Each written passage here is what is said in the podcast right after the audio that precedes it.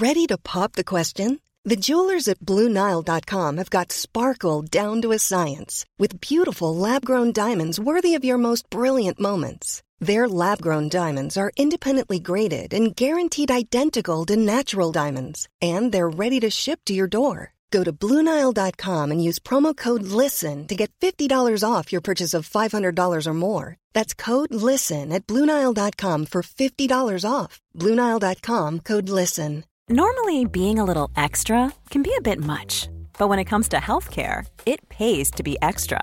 And United Healthcare makes it easy with Health Protector Guard fixed indemnity insurance plans. Underwritten by Golden Rule Insurance Company, they supplement your primary plan, helping you manage out of pocket costs without the usual requirements and restrictions like deductibles and enrollment periods. So when it comes to covering your medical bills, you can feel good about being a little extra. Visit uh1.com to find the Health Protector Guard plan for you. There's never been a faster or easier way to start your weight loss journey than with PlushCare. PlushCare accepts most insurance plans and gives you online access to board-certified physicians who can prescribe FDA-approved weight loss medications like Wigovi and Zepbound for those who qualify. Take charge of your health and speak with a board-certified physician about a weight loss plan that's right for you. Get started today at plushcare.com slash weight loss. That's plushcare.com slash weight loss. plushcare.com slash weight loss. Burrow's furniture is built for the way you live. From ensuring easy assembly and disassembly to honoring highly requested new colors for their award-winning seating, they always have their customers in mind. Their modular seating is made out of durable materials to last and grow with you. And with Burrow, you always get fast, free shipping. Get up to 60% off during Burrow's Memorial Day sale at burrow.com slash ACAST. That's burrow.com slash ACAST. burrow.com slash ACAST. I'm amazed how many people own stocks. They, they would not be able to tell you why they own it. They couldn't say in a minute or less why they own it. Actually, you really press them down, they'd say, the reason I own this is the sucker's going up. There's enough cash in the financial system, and there's an infinite amount of cash at the Federal Reserve, an infinite amount Put of cash. Put that check in a money market mutual fund. Then we'll reinvest the earnings into foreign currency accounts with compounding interest, and it's gone. So they had to do something. All they had left was just to print money and start buying things. And that's what they did. Quick buck artists come and go with every bull market, but the steady players make it through the bear market. They say money can't buy happiness. Look at the fucking smile on my face. Hej och välkommen till ett nytt avsnitt av Market Makers nummer 300. Och det blir inget specialavsnitt Fabian. Vi är flitiga små bin som bara kör, kört, köttar på. Jag tänkte säga körnar på, det gör vi inte. Köttar på och här vecka in vecka ut. Vi håller inte på med några livepoddar eller firanden eller någonting. Nej, exakt. This is Sparta, som man säger. Ja, det här är ingen lyxlirare inte. Vi bara, vi bara gnetar på i vår ensamhet. Nej, vi får se. Jag vet att jag såg, eh, det var en annan podd där som lade ner nyligen, en svensk finanspodd som var väldigt bra, eh, som jag bara för att glömde bort vad de hette, Follow the Money. De körde faktiskt livepoddar. Jag vet inte om folk tycker sånt är intressant. Kanske kunde vara något. Flyga hem Fabian för One Night Only, live. Jag vet inte ens vad en livepodd är. Är det att man sitter på scen? Ja, det är det. Det känns, Och på scen också. det känns ju jäkligt lökigt, men ja, det kanske är populärt. Ja, det är bra. Då har man en anledning att duscha. Men alltså så här, jag spelar ju alltid in i kalsongerna. Måste jag göra det på scen i så fall också? jag, vill bara, jag vill bara förtydliga att Fabian skämtar, eh, så ni inte får några bilder framför er. Men du, vi ska inte prata om det den här veckan. Vi ska bara köra på ett vanligt avsnitt precis som vanligt. Vi kommer prata lite om en ny het tech-IPO och eh, så kommer det också bli eh, kanske en 10-bagger. ja, exakt. Det är en bra liten pann där, för vi ska nämligen snacka lite om TEN. Precis. Men som vanligt vill vi påminna om vår huvudsponsor, IG Market, som vi återigen har med oss. Och eh, Fabian, jag säger så här. Är du trött på att handla börshandelsprodukter i en plattform som inte utvecklar för trading? Ja! Det är ju helt värdelöst att sitta att försöka jobba på någon plattform som inte är byggd för, för, för handel helt enkelt. Eh, det verkar ju superonödigt. Med IG så har man otroligt mycket bra verktyg. Handlar man deras Turbo 24, som vi pratat om tidigare veckor, så får du tillgång bland till handel just direkt i grafen. Du får integrerad prisräknare. Handel 24-5, inte 24-7. Marknaden är öppen dygnet runt, men inte på helger som tur är. Så lite ledighet får man. Eh, så det är supersmidigt. Ja, öppna ett ISK-konto hos IG idag. Ladda ner appen och besök IG.com. Men kom ihåg att all handel med finansiella instrument innebär risker. Vi säger stort tack till vår huvudsponsor IG Markets. Och apropå risk Fabian, så ska vi påminna om att det inte är någon rådgivning eller rekommendation som pågår i den här podden. Vi berättar bara om vår process och hur vi tänker. Gör alltid en analys och glöm aldrig att alla investeringar är förknippade med risk. Ja, och jag tänkte prata lite om en het tech-IPO. Eller jag vet inte om den är så himla het. Vi pratade ju om några veckor sedan om ARM som noterades, som, som var någon slags hittepå AI-case. Ja, själva caset, bolaget är ju inte hittepå, men själva liksom det, det du får ta del av som investerare är ju jäkligt hittepå. Väldigt iskallt case. Ja, men faktiskt. Och eh, det känns som att man försöker göra någon slags AI-vinkling, fast det inte är så super AI-vinklat egentligen. Eh, men det är lite intressant där, vi pratade lite om hur otroligt liksom kan... AI-vinklat är det väl, AI-vinklat är det väl, men det är ju det att du inte får en jättebra deal när du köper de aktierna. Nej. Och eh, en annan IPO som har skett nu, också lite i det fördolda. Det var intressant, och det är nämligen för hade det här skett för två år sedan, då hade folk slängt sig över den här IPOn. Eh, liksom, ja, folk har varit helt galna i de här bolagen, men nu är det liksom stendött. Eh, och det var ju bolaget Instacart, eller om man ska vara PT så heter bolaget Maple Bear, eh, Maple Bear Inc. Men ticken är CART, C-A-R-T, man har noterat på Nasdaq och liksom, verksamheten bakom, bakom heter Instacart.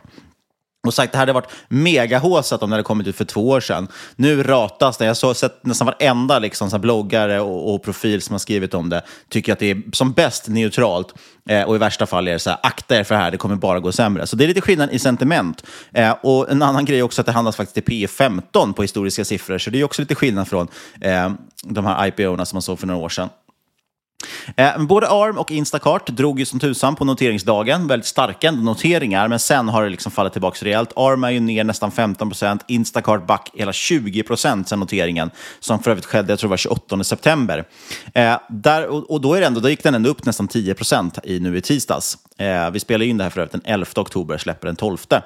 Eh, så den gick faktiskt upp 10 häromdagen, men trots det är det totalt och back 20 procent sen noteringen. Och det här är verkligen förbisett. Army har ju ändå varit lite omtalat. 15 000 ägare kan vi se till exempel på Avanza som ett exempel. Eh, eh, Instacart har endast 16 ägare på Avanza. Ja, jag såg någonting. Ja, det var från någon av de här In the Arena-grabbarna som la ut på Twitter. Att jag tror att det var alla investerare sedan 2015 var under vatten i eh, Instacart. Ja, och jag ska komma tillbaka lite till den här värderingen. Eh, det här var ju en riktig covid-vinnare, men vi kan hålla lite, lite grann på den. Vi kan börja med att prata om vad Instacart gör, så har vi lite kontext också. Kanske man också redan där kommer förstå varför det här var en covid-vinnare. Eh, grund och botten handlar den här plattformen, det är egentligen en plattform för att leverera matvaror från butiker till slutkonsumenten. Och vad menar jag med det? Jo, jag kan idag i Sverige är det här, är redan här etablerat och framförallt sköts det av butikerna själva. Jag kan ju gå in på coop.se eller ica.se, klicka hem varor i min matkorg och sen då få det antingen hemlevererat faktiskt direkt av någon leverans, av, vad heter det, budleverantör eller hämta upp det i butiken. Men Instacart, de var lite tidigare på marknaden och de agerar ju framförallt i USA och även Kanada. Eh, och där är det istället då personal shoppers som det heter. Eh, I dagligt tal skulle vi kanske kalla det för gigarbetare. Eh, för det är ju precis som att det vore Uber-chaufförer eller vad som helst som då kan leverera den här maten till dig, eller Foodora-leverantörer. Eh, så att du kan klicka då och säga att jag vill handla det här och det här och det här från till exempel Walmart eller Costco eller vad det nu är för eh, affär. Och eh, sen är det någon som kommer då åka dit och plocka upp det. Nu har det blivit så pass etablerat att butikerna har ibland själva folk som plockar upp det. Så att det kanske är någon som jobbar på Walmart som faktiskt plockar upp produkterna. Eh, sen kör de hem det, eller om det är någon sån här då gigarbetare som kör hem det. Eh, så det är egentligen grejen. Och då betalar du såklart en liten avgift för den där leveransen. Eh, och man kan säga det också att eh, en liten fördel faktiskt man kan se också, det är ju att som sagt Costco finns ju där och en hel del andra sådana här wholesale-klubbar där du måste egentligen ha ett medlemskap för att handla. Men det behöver du inte ha om du handlar via eh, Instacart, utan då går du på deras medlemskap. Så det är en liten, liten fördel med att använda det här. Eh, och leveranskostnaderna från 4 dollar uppåt. Eh, 35 dollar får du betala om du ska ha mat, eh, varorna samma dag. Sen finns det också ett Instacart Plus-medlemskap som gör att leveranskostnaden blir 0 kronor. Eh, och Det här ger då såklart lite mer återkommande intäkter, så det gillar man ju folk som har medlemskap i saker och ting. 350 spänn för same day delivery. Det är helt galet. Ja, det är faktiskt galet. Jag betal- det- det är dyrt. Jag betalar 350. Ja, det är dyrt. Samtidigt kan man ju också omsätta det i, okej, vad kostar det, vad, vad är det egentligen för timlön? För det är ju då en person som ska åka till Walmart, plocka ihop varorna i en varukorg, betala för dem åka hem till dig. Det är en otroligt dålig eh, timpris för den, för den tjänsten. Så priset är egentligen rimligt. Eh, men såklart inte så himla attraktivt. Pri- Priset är ju såklart rimligt för Instacart, men rimligt för, orimligt för dig som använder Instacart. Exakt. jag kan återkomma lite till det. Jag kan tänka mig att en av de största riskerna med det här caset är ju att bolagen själva gör egna sådana här tjänster och så har det pickup istället. Det känns ju mer logiskt att du som sagt ber då ICA till exempel att plocka upp varorna och så kommer jag hämta kassen när det passar mig. I alla fall. Eh, det är en fristående leverantör på så sätt att Instacart är framförallt plattformen. Man har dock en del anställda, alltså även kring leverantörer som jag förstår. Jag tycker det är lite otydligt. De vill inte riktigt prata om det där så mycket, hur, hur de jobbar med det. Och det har väl att göra med att det pågår en del rättsliga processer, inte specifikt mot Instacart, men, men däremot generellt kring det här med gigekonomin. Liksom. Är det egentligen arbete eller inte? Eh, så att generellt så jobbar man också, tanken är att det har fristående independent contractors som det heter, alltså gigarbetare som, som får betalt helt enkelt för de ordrar de följer, eh, fullföljer. Men sen finns det också, det finns en del så kallade in-store shoppers, så då är det väl de som jobbar på till exempel Walmart eller liknande, folk som är dedikerade till den butiken. Och de verkar få lite betalt även fast de inte får in några ordrar. Eh, det är dock väldigt dåligt betalt, som jag var inne på. Det var en strejk 2017 bland annat, där vissa angav att de tjänade så lite som en dollar i timmen på det här. Men det är väl som alltid med gigekonomin, har man, får man inga uppdrag så är det klart att det är väldigt dåligt betalt. Eh, det kom en del nya strejkhot under corona och även hot om att anställda vill bli fackligt anslutna. Eh, I januari 2021 sa man upp närmare 2000 anställda, så då antar jag att det är sådana här independent contractors. Eh, man sa att det var för att många partners och butiker nu själva började plocka ihop kundernas ordrar som jag var inne på. Men av en slump så inkluderar de sparkade samtliga som hade hotat med att gå till facket också. Så det är lite märkligt hur det kunde bli så. It's the American way. ja, men verkligen. Eh, och just det här med så kallade gigworkers, som jag sa, det är en het potatis i USA nu. Det pågår just nu en del rättsliga processer och i Kalifornien för att avgöra om det här egentligen är anställda eller inte. Och det här skulle ju påverka ett bolag som Instacart enormt mycket. Eh, man jobbar, man är väldigt, väldigt stora i alla fall inom det här. Det är det största företaget som håller på med den här nischen. Eh, det är en miljard produkter eh, som man liksom kan handla via deras plattform. 80 000 butiker, 14 000 städer säger man att man finns i. Eh, och det här är då i Kanada och USA som jag sa, med en hel, hel del stora kända varumärken bland sina butiker. Och jag sa ju det att det fanns det här medlemskapet, det ger lite recurring revenue, men den största delen när det gäller just recurring revenue, det är ju framförallt att man säljer annonser på plattformen. Så att när du går in och klickar in och säger jag skulle handla matvaror eller vad det nu är för typ av varor, ja då kan det komma upp annonser som säger att den här varan är billigast på Walmart eller kom och handla det här hos Costco så får du bättre pris på storpack till exempel. Och det här är faktiskt 30 procent av intäkterna ungefär, de här annonserna. Så det är liksom nästan den bästa businessen. Lite som vi pratade om tidigare med Amazon, som också alltså det har varit en liten dold eh, oslipad diamant hos Amazon, det här med annonserna. Liksom, att det är en väldigt stor grej som de skulle kunna tjäna mycket, mycket pengar på. Men som de inte tidigare fall har för mig redovisat tydligt. Och en liten koppling där till Amazon. Det är grundat, Instacart är grundat av en tidigare Amazon-anställd. Eh, det har funnits i drygt tio år. Eh, kommer från början från den här välrenommerade vad heter det? inkubatorn Y Combinator. känner man ju till. Där är väldigt många framgångsrika bolag kommit ifrån. Eh, men som sagt, riktig covid-vinnare. Det var då det verkligen tog fart det här bolaget. Man tog in 300 000 eh, ytterligare sådana arbetare för att leverera matvaror under corona. Och det kan man jämföra med tidigare hade de totalt 140 000 registrerade. Så de alltså tvådubblade det liksom bara över ett år. Eh, dagliga appnedladdningar växte under corona med över 200 procent. Och nu kommer vi till det här med värdering. Det här är lite roligt. då. Eh, oktober 2020, då vi liksom, hade vi kommit in i krisen, vi hade börjat se att det finns tydliga coronavinnare och så vidare. Då var det riktigt, riktigt hett. Då reste man 200 miljoner dollar från VC-firmor eh, på en värdering om närmare 18, miljoner dollar, eh, 18 miljarder dollar. Förlåt. Sen och det var senaste rundan. Det gjorde man mars 2021, alltså det är ett halvår senare bara. Då tog man in över 200 miljoner dollar igen, men då var värderingen nästan dubbelt så hög, närmare 40 miljarder dollar. Så man dubblar värderingen på ett halvår. Eh, och nu noteras man i september 2023 och då reste man över 600 miljoner dollar, men nu var värderingen bara 10 miljarder dollar.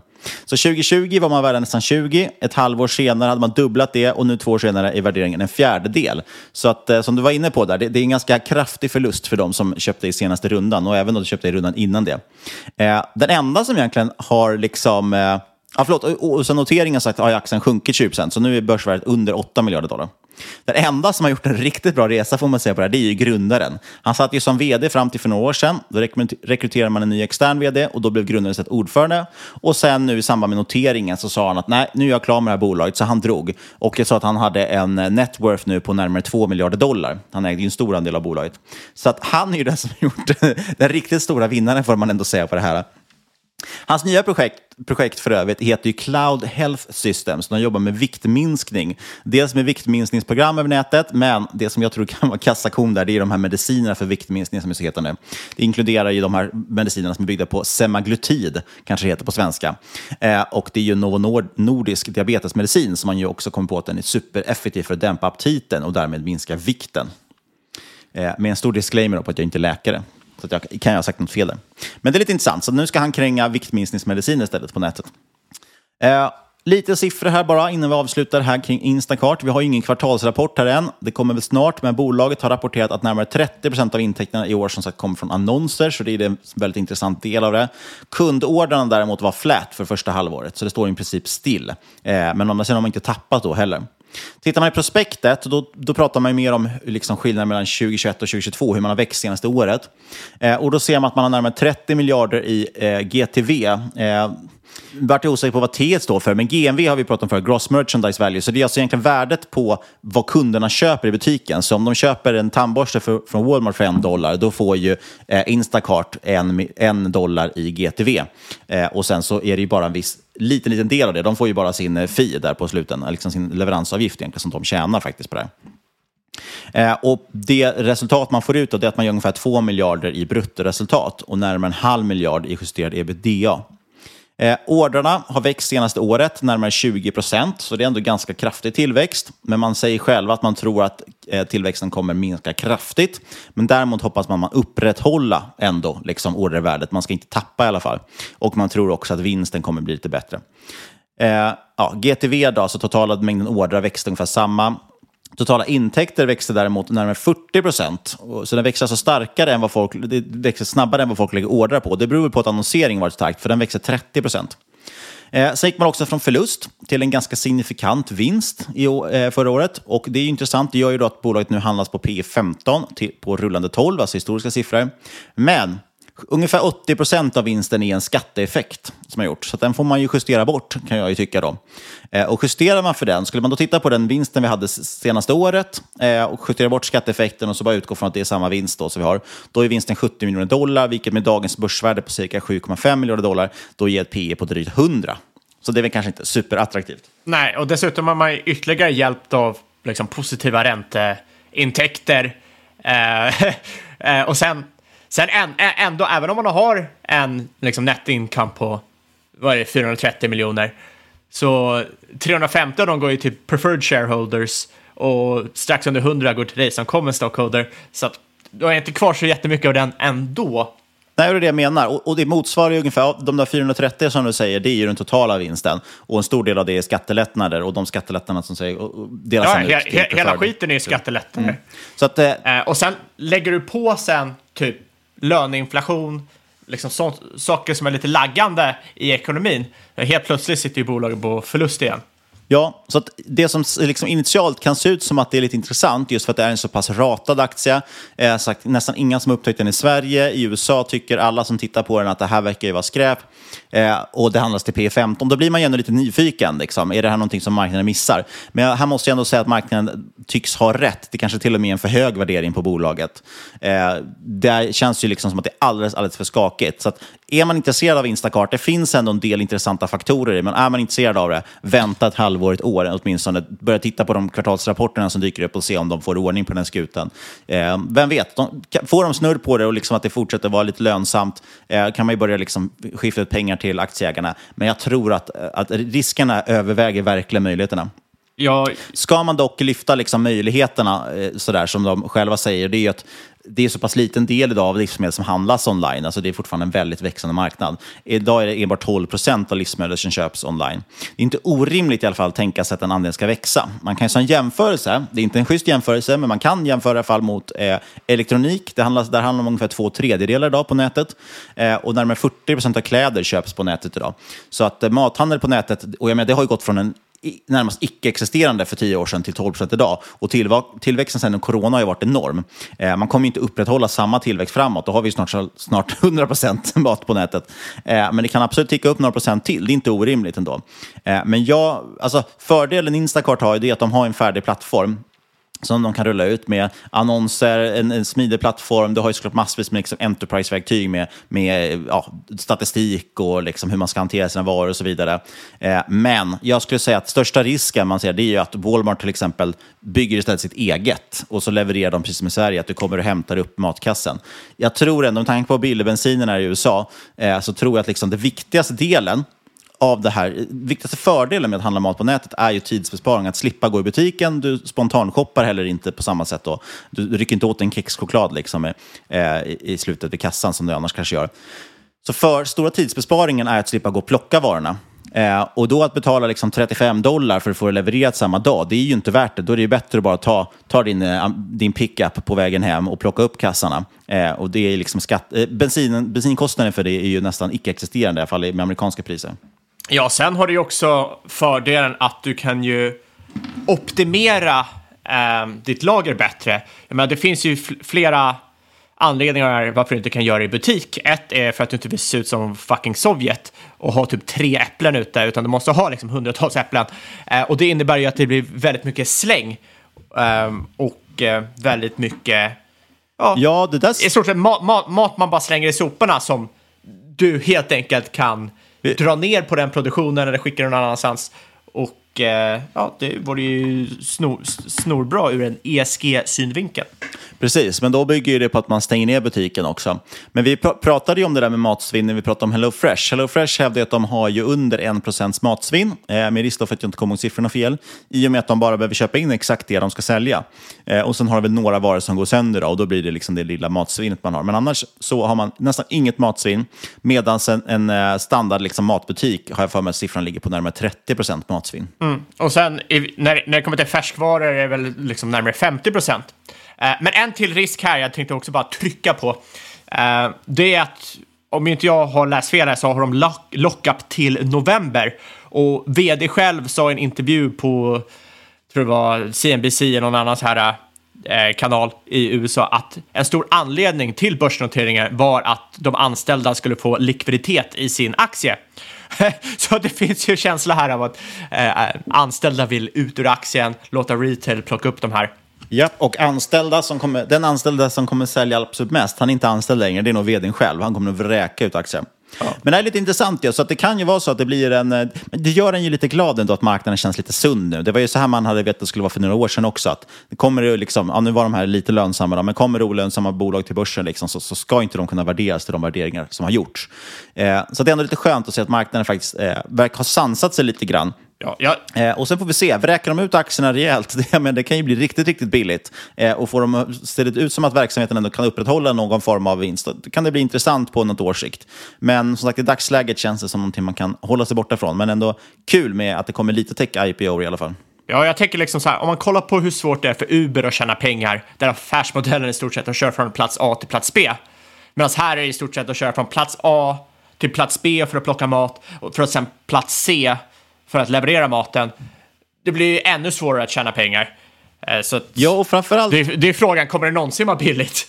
Nej, men och framförallt är det intressant. Jag har alltid funderat på just det här med, med eh, Volt och Uber och Foodora och så vidare, hur de får ihop det. Och det känns ju som att det är väldigt mycket att det är riskkapitalfinansierat. Det, det är ju inte lönsamt. Det går inte att få ihop det med de priserna de håller. Ett SIRP-fenomen. Ja, så därmed känns det ju lite skönt i alla fall att det här är en business som tar, de tar ändå 35 dollar för att leverera någonting. Det börjar ändå närma sig någonstans rimliga priser, vilket gör att då kommer folk inte andra sidan köpa det. Eh, och då dör det, dör det här ut av sig självt och så får de sunda bolagen finnas kvar. Men, men, men det där 35 dollar måste ju vara för specialgrejer, för de har ju också leverans för 4 dollar. Vad var skillnaden där? Eh, att du får dem snabbare. Expressleveranser. Okej, okay, okej. Okay. Eh, men vi hoppade vidare till ett annat ämne. Ja! Du har ju pratat om någonting som är väldigt iskallt och jag ska ju prata om någonting som kan bli väldigt, väldigt varmt. Väldigt hett. Och det är ju så att 2023 har ju mångt och mycket handlat, eh, för mig i alla fall, att djupdyka i mining och metaller. Lite likt hur slutet på 21 och 22 handlar mycket om att djupdyka energi. Och jag tänkte att idag ska vi djupdyka i en metall som jag nämnt några gånger tidigare i podden, men eh, som jag idag tänkte djupdyka i. Och det är ju nämligen tenn. Och då, varför tenn? Jag tänkte tre punkter här för att du som lyssnar nu ska bli superintresserad. Punkt ett. Det kan vara det bästa sättet. Så tre punkter, ska det inte vara en topp 10-lista? Vad var det? Du, du hade vunnit eh, SM i ordvitsar. Jag har inte vunnit det, men jag har deltagit i det ett par gånger. märks, det märks. Eh, I alla fall, punkt ett. TEN kan vara ett, ett av de bästa, om inte det bästa sättet att exponera sig mot både AI, grön energi och ja, ny teknologi allmänt. Två är att det är en bortglömd metall som väldigt få fokuserar på. Och nummer tre är att det har väldigt liknande setup fundamentalt som uran. Och vet ju alla vad som har hänt med just uran senaste året. Vill du höra eh, ChatGPTs topp 10 anledningar att investera i TEN? Ja, vad säger han? Jag, jag tar bara headlinesen här, bara rubrikerna, så du slipper läsa alltihopa. Det är ganska lång text här. Men det är en industriell efterfrågan, begränsad tillgång, diversifiering, nya teknologier, TEN som inflationsskydd, den gillar du va? Återvinningspotential, geopolitisk stabilitet, prisvolatilitet, begränsade investeringsalternativ och långsiktig investeringspotential. Men den säger också att det är viktigt att göra noggrann forskning, ta hänsyn till din risktolerans och rådgöra med finansiell rådgivare. Ja, nu vet ju ni exakt vart vi får eh, hela våra avsnitt ifrån. För de senaste två åren har vi bara kört ChatGPT. Ja, jag varit förvånad faktiskt att den svarar. Det brukar alltid när man frågar investeringar och aktier brukar den alltid säga att det kan jag inte svara på. I alla fall, TEN, det är en nischmetall. Eh, det är en väldigt liten och otransparent marknad med väldigt få aktörer att exponera sig mot. Det påminner väldigt mycket om uran för 6-7 år sedan eh, och då fanns det i stort sett bara Cameco att eh, köpa. Det fanns inte Sprott och de här andra spelarna. Eh, det var en helt död marknad. Och eh, väldigt likt uran också är att i tändmarknaden eh, finns inga stora spelare eller institut, för de är inte intresserade för det finns ingen likviditet här. Och då är den stora frågan, vad använder man ens tenn till? Tenn är den kritiska metallen som är förbisedd av nästan alla, men samtidigt är den metall som är mest påverkad av ny teknik. Det är liksom mer än litium, kobolt, silver, liksom you name it, allting. Cirka 50 procent av efterfrågan är ferrot inom elektronik och alternativen här är antingen blybaserade, liksom det är inte jättehett nu för tiden, eh, eller silver och guld och det är väldigt dyrt och eh, väldigt nischat att använda de materialen. Men det är en, även en väldigt nödvändig komponent för elbilar, IoT, solpaneler, batterier, robotik, chip för datacenter och så vidare. Det vill säga områden med väldigt stark sekulär tillväxt. Och många av de här områdena ser ju liksom en explosion i efterfrågan och därmed kommer ju även efterfrågan på TEN öka. Ett exempel här är för varje 100 gigawatt solkraft man rullar ut så krävs det cirka 6000 ton TEN Eh, 2022 rullades det ut liksom 270 gigawatt eh, solkraft och det här förväntas öka till 350 gigawatt under 2023. Och för referens här, eh, årligen produceras det just nu 380 till 400 000 ton tenn. Men trots det här, eh, att det behövs i nästan all teknologi, eh, så är TEN nästan aldrig med i rapporter eller grafer och så vidare när det kommer till till exempel den gröna omställningen där man alltid listar litium och nickel och kobolt. Och det här gör ju att TEN inte riktigt är på folks radar på samma sätt som de här metallerna eller kanske till och med koppar är. Som jag sa, årligen produceras cirka 400 000 ton TEN och det är främst i Kina, Indonesien och Myanmar. Och Kinas gruvor är i ett väldigt moget stadium. Produktionen växer inte. Eh, Indonesien har käkat upp sin onshore supply och letar nu febrilt efter 10 offshore. Och Myanmar började producera för 10-15 år sedan, pikade redan 2016 och liksom, det var efter de hade plockat allt lågt hängande frukt och nu är outputen ungefär hälften från vad de var vid piken. Och eh, kan nämna här att eftersom Kinas egen produktion har flatlinat så kommer över 30 procent av deras tändkapacitet från import, varav 96 procent är från Myanmar, eller rättare sagt var från Myanmar, för Myanmar vill ju inte eh, exportera sitt tenn. Och sen när det kommer till själva utbudet, eller fortsättningen lite här på utbudet, är att likt olja, nej, sen, sen när det kommer till efterfrågan, rättare sagt, eh, så likt olja så växer tenn med någon några procent om året. Och speciellt med den här ökade efterfrågan vi ser från ny teknologi. Och det gör att liksom, supply-demand-gapet sitter på cirka 50 000 ton om året fram till 2030. Och det är en brist på cirka 10-15 procent om året. Eh, grejen är att dagens tennpriser på cirka 25 000 per ton är för låga för att skapa incitament till att öka produktionen och priserna skulle behöva ligga mellan 30 till 40 000 en längre tid för att skapa incitament. Eh, priset drog som satan under covid. Eh, det drog från 15 000 till 50 000 och nu som sagt tillbaka till 25 000 eftersom liksom, efterfrågan på elektronik drogs fram enormt. Alla satt ju och skulle köpa nya datorer, headset och så vidare. Och det här visar ju lite vad som kan hända när supply blir riktigt tight, en sån här liten marknad. Eh, det som är intressant nu är att den här kortsiktiga svagheten vi ser, eftersom TEN till exempel är exponerat mot konsumentstyrka och det finns recessionsoro och så vidare, eh, det gör ju att eh, Alltså egentligen, det bygger ju bara upp det framtida underskottet och liksom risken att öka supply-gapet eftersom för att brygga det här supply-gapet bör du börja investera nu. Ju längre det går, ju mindre bygger man upp det här eh, framtida utbudet och eh, ju större kommer bristen bli. Och som sagt, det är för att industrin inte än har incitament att skala upp produktionen på grund av priserna. Eh, en ytterligare likhet med uran som jag tycker är väldigt viktigt är att TEN används liksom i en väldigt liten mängd per enhet. Eh, det är mindre än en krona. Ja, det är därför man inte tänker på den riktigt. Exakt. Trots att den är med i så många heta industrier som du säger. Exakt, det är mindre än en krona per liksom, smartphone. Så att det är en väldigt liten del av den totala kostnadsstrukturen. Och eh, det tycker jag är rätt positivt, för det borde ju rimligen vara skydd mot till exempel eh, eventuell demand destruction eller att man hittar någon typ av substitut. Eh, samtidigt som, ja, eftersom det är så många industrier så har det en diversifierad efterfrågan.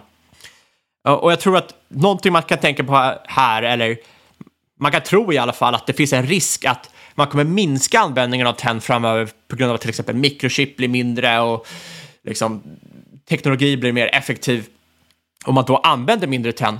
Men det här tycker jag går in lite i vad som kallas eh, Jevons paradox.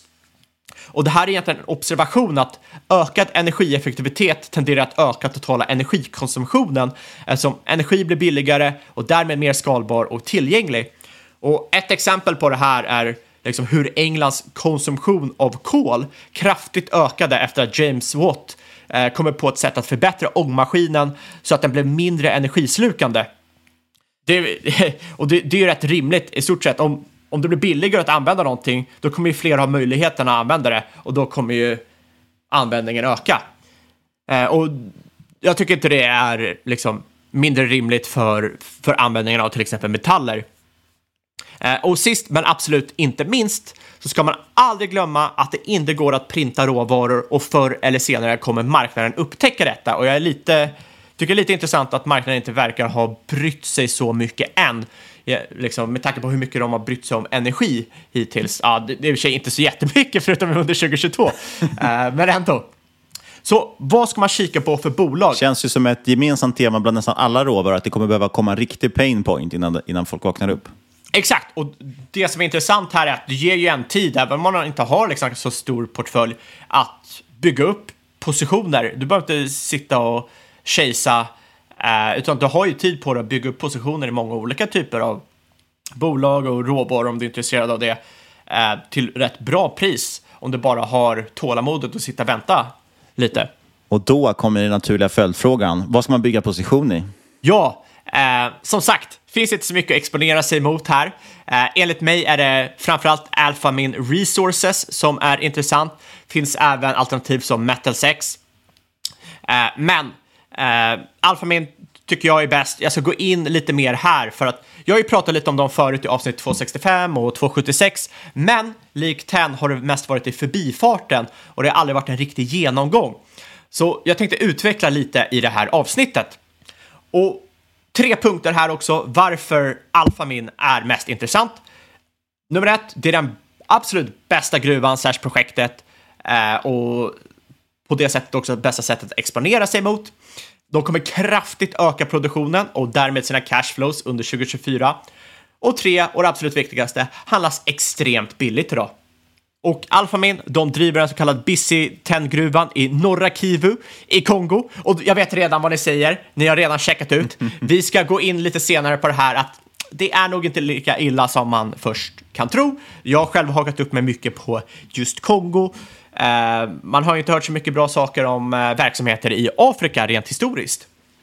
Men Bilsigruvan i alla fall, de har för närvarande två fyndigheter. Det är Mpama North och Mpama South. Jag slaktar säkert det här uttalet. Men eh, i alla fall, eh, North började producera 2019-2020 mitt i brinnande bullmarknad. Och eh, de producerar cirka 12 500 ton tenn om året. Det här motsvarar cirka 4 procent av världens årliga utbud och är den näst största fyndigheten i världen utanför Kina och Indonesien. Och i början av 2024 förväntas South starta produktionen, vilket ökar output med hela 60 procent för hela bolaget. Och därmed kommer man alltså gå från att producera 12 000 ton om året till 20 000 ton om året. Eller 7 procent av liksom, det globala årliga utbudet. Och det här kommer man kunna göra i 10 plus år. Eh, Alphamin har också utan tvekan alltså by far högst grade i industrin, det vill säga, det vill säga uh, metallcontent i sina gruvor och Eh, det innebär att de är en ledande lågkostnadsproducent och har väldigt stark operationell hävstång. Liksom all in sustainable costs eh, ligger på cirka 15 000 dollar.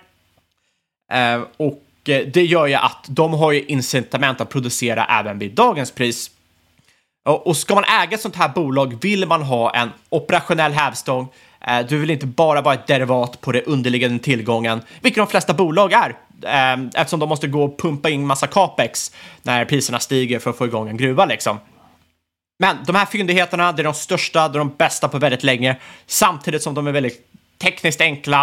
Eh, de har liksom väldigt litet geografiskt fotavtryck. Men som sagt, det som brukar bekymra potentiella investerare är att det ligger just i Kongo. Och eh, framförallt har det ju varit våldsamheter i Kongo de senaste 12 månaderna. Men detta är främst kring gränsen mellan Kongo, Uganda och Rwanda, cirka 300 kilometer bort fågelväg, men 1000 kilometer bort eh, om man tar faktiskt eh, liksom vägen via djungeln. Eh, så det finns en del säkerhetsmot där, liksom rent fysiskt. Dessutom handlas tenn i ton, så att det är inte så jätteattraktivt för liksom, rebeller att komma in och sno massa tenn. Eh, svårt att frakta bort och du får inte så jättemycket pengar. Eh, om du inte kan frakta bort liksom hundratals ton eller tusentals ton. Samt att både Kongo och Sydafrika är delägare i gruvan så att de vill ju, de har incitament för att eh, den här inte tas över. Eh, så jag tycker ändå att du har lite skydd där. Samtidigt som liksom närbeläget har bra infrastruktur, om någonting går sönder kan du flyga in det. Så all, all, allmänt känns det rätt bra och kollar man liksom mer grundläggande på bolaget så att vanliga, må, många så här miningbolag, det är bara vad är det man brukar säga? Det är ett hål med en lögnare på toppen. ha, det, det, det, här bolaget liksom pumpar ju cash. Det har stark balans, balansräkning, det är nettokassa. Eh, man genererar typ 30 miljoner dollar per kvartal. Eh, man langar en 7% utdelning under expansion. Och dessutom har man väldigt stark management med lång erfarenhet av mining i Afrika. Och eh, fram till slutet på året så kommer man ju fortsätta pumpa in en del cash i capex för då den här South-fyndigheten. Men efter det kommer det ju liksom åka rakt in i kassan.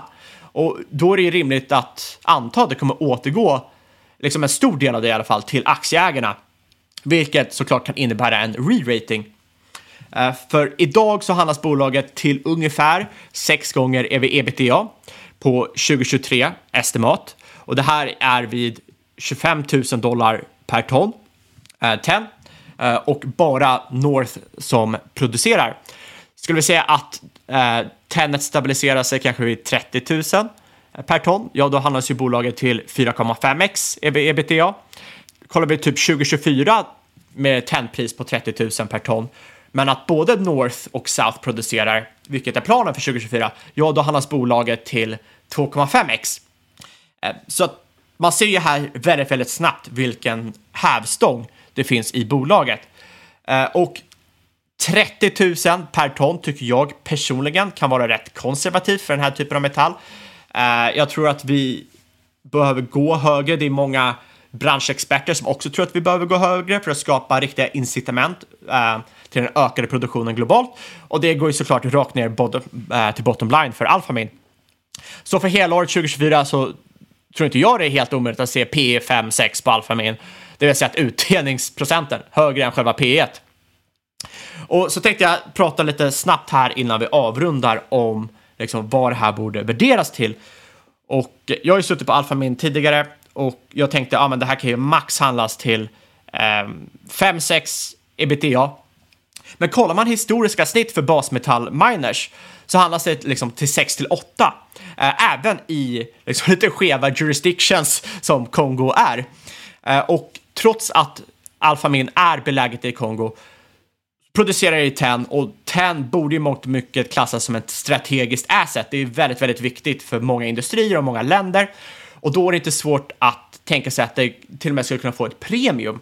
Och jag, jag tänker ju liksom inte försöka bulla upp det här allt för mycket, men det är väldigt intressant att kolla vad som hände med till exempel litiumproducenter som började handlas till 15-20x under peak bull. Ja, det handlar ju bara om ett, eh, ett narrativ. Exakt, men narrativ driver ju hela marknaden. Och när alla förstod att det skulle vara litium i litiumbatterier, då vart det ju det, som säger, handlades det ju ganska dyrt.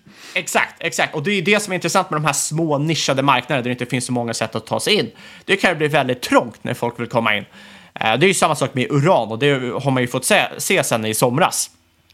Eh, en, en annan möjlig, liksom, möjligt utfall här är ju att eh, Kina kommer in och köper upp hela skiten. För som sagt, de behöver mer tenn, de kan inte få tag i det.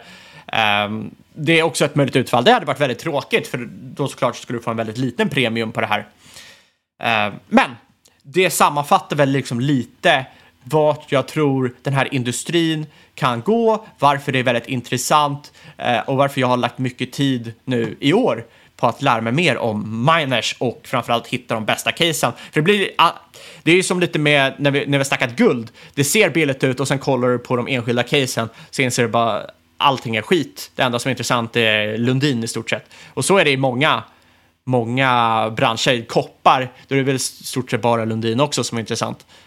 Men i alla fall, eh, jag har tidigare eh, ägt Alphamin. Jag sålde för att köpa annat, men nu är jag sugen igen.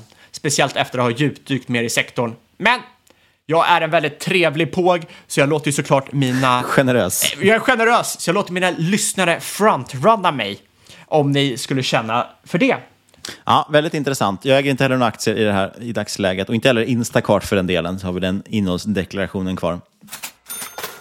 Vi vill påminna som vanligt att inget hört den här podcasten ska ses som rådgivning. Alla åsikter, våra egna eller gäst och eventuella sponsorer tar inget ansvar för det som sägs i podden.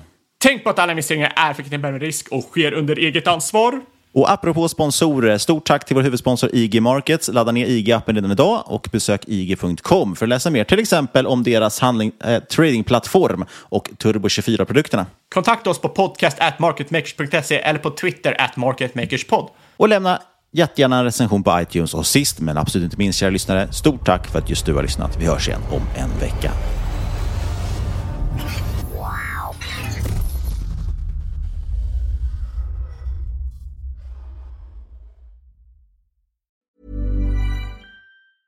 A lot can happen in three years, like a chatbot may be your new best friend. But what won't change? Needing health insurance. United Healthcare Tri Term Medical Plans, underwritten by Golden Rule Insurance Company, offer flexible, budget friendly coverage that lasts nearly three years in some states. Learn more at uh1.com. Flexibility is great. That's why there's yoga. Flexibility for your insurance coverage is great too. That's why there's United Healthcare Insurance Plans. Underwritten by Golden Rule Insurance Company, United Healthcare Insurance Plans offer flexible, budget friendly coverage for medical, vision, dental, and more. One of these plans may be right for you if you're, say, between jobs, coming off your parents' plan, turning a side hustle into a full hustle, or even missed open enrollment. Want more flexibility? Find out more about United Healthcare Insurance Plans at uh1.com. Mom deserves the best, and there's no better place to shop for Mother's Day than Whole Foods Market. They're your destination for unbeatable savings, from premium gifts to show-stopping flowers and irresistible desserts. Start by saving 33% with Prime on all body care and candles. Then get a 15-stem bunch of tulips for just $9.99 each with Prime. Round out Mom's menu with festive rosé, irresistible berry chantilly cake, and more special treats. Come celebrate Mother's Day at Whole Foods Market. This message comes from BOF sponsor eBay. You'll know real when you get it. It'll say eBay Authenticity Guarantee. And you'll feel it. Maybe it's a head turning handbag, a watch that says it all Jewelry that makes you look like the gem, or sneakers and streetwear so fresh every step feels fly. eBay gets it. So look for the blue check mark next to that thing you love and be confident that every inch, stitch, sole, and logo is checked by experts. With eBay Authenticity Guarantee, you can trust that feeling of real is always in reach. Ensure your next purchase is the real deal. Visit eBay.com for terms.